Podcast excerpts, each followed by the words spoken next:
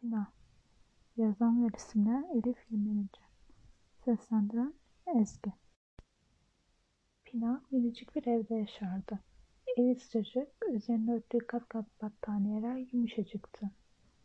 Bütün hayatını buraya sığdırmıştı. Başka dünyalara ihtiyaç duymazdı. Evinin duvarları bir kalkan gibi koruyordu onu. Keşke hiç dışarı çıkmak zorunda kalmasaydı.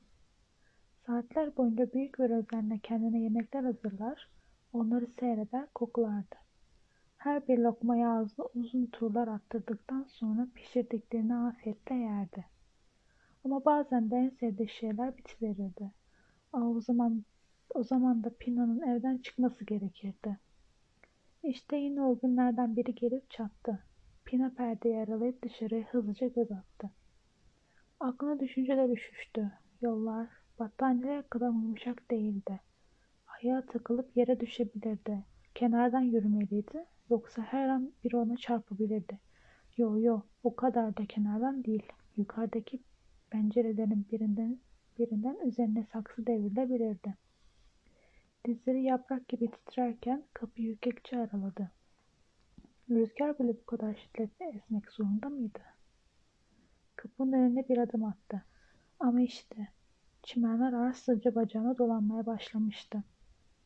Üstelik bu Pina'nın en sevdiği bacağıydı. Hemen içeri kaçtı, bacağını usulca ovaladı. Fakat ne yapıp edip dışarı çıkması gerekiyordu. Orman peyniri olmadan lezzetli soflara kuramıyordu. Pina yere uzandı sessizce. Öyle sessizlik ki aldığı nefesin parmak uçlarına kadar gittiğini ve tırnakların uzadığını bile işitebiliyordu. Biraz zaman geçince silkelenip ayağa kalkabildi. Belki evinde evinden bir parça mesela sıklıkla sohbet ettiği çiçeği ona eşlik etse kendini daha iyi hissederdi. Biriyle göz gözü gelmekten hoşlanmazdı. Hele konuşmak bu gerekmedikçe asla yapmazdı. Hızlı adımlarla yürürken sadece yere baktı. Şişesinden ayrılma, ayrılmış gazoz kapakları, saçları tutunamamış siyah tokalar ve tükürülmüş sakızlar. Pina bu küçük ve yanlış şeyleri incelerken yol bitivermişti. Peynirci de orman peynirlerinin en kocamanını seçti. Böylece uzun süre dışarı çıkması gerekmeyecekti. Kocaman peynirine eşlik eden kocaman adımlarla hemen eve döndü. Yolun ne ortasından ne de tam kenarından. Başarmıştı. Şimdi kendine enfes bir sofra kuracaktı. Fakat o da ne? Çay. Ağaç çileği çağı bitmişti. Çilek çayı olmadan sofrası eksik kalacaktı.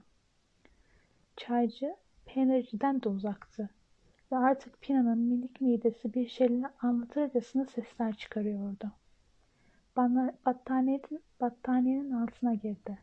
Sevdiği şeyleri düşünerek ağzından fırlamak üzere olan kalbini sakinleştirdi. Okuduğu kitabın sayfalarında gezinen ikindi güneşi, en sevdiği şarkının başlamasını beklerken duyduğu plak ışırtılarını, tencerede pişen pudingi baloncuk seslerini. Gerçekten işe yaramıştı. Pina tüm gücünü toplayıp tekrar evden çıktı. Bu sefer çimler bacaklarına dolanmamıştı. Rüzgarda dinmişti sanki. Kaldırımın kenarına yakın olan ortasından yürürken karanlık bulutlar iki yana açıldı. İnce bir ışık hüzmesi Pina'nın yanağını okşuyordu. Pina durup uzun zaman sonra yeniden sıcaklığı hissetti, güneşe gülümsedi. Bu sırada bir yabancı da ona gülümsüyordu. Günaydın dedi yabancı. Kalın, heyecanlı ve hırıltılı bir sesle. Günaydın dedi Pina. Alça ancak kendisini duyabileceği bir şekilde. Uzun süredir konuşmadığı için kendisini tanıyam tanıyamayacaktı neredeyse. Yabancı Pina'ya kocaman bir ay çile uzattı. Yeni geldi. Bal küpü bal dedi ve minicik ağzıyla komik bir kahkaha attı. Pina tam gözlerini kaçıracakken yabancının aslında yabancı değil manav komşusu olduğunu hatırladı. Onun korkulacak biri olmadığını biliyordu. Titreyen parmaklarıyla ay çileğine uzandı. Çileğin ucundan azıcık ısırdı. Tadı gerçekten harikaydı. Hemen şeklini en sevdiğinden aldı. Pek de yabancı olmayan manav Yarın da taptaze kuşevye gelecek. Mutlaka uğra diyerek el salladı. Pina baharın neşeli kokusunu içine çekti ve çaydan vazgeçip çilekleri dışarıda yeme kararı verdi.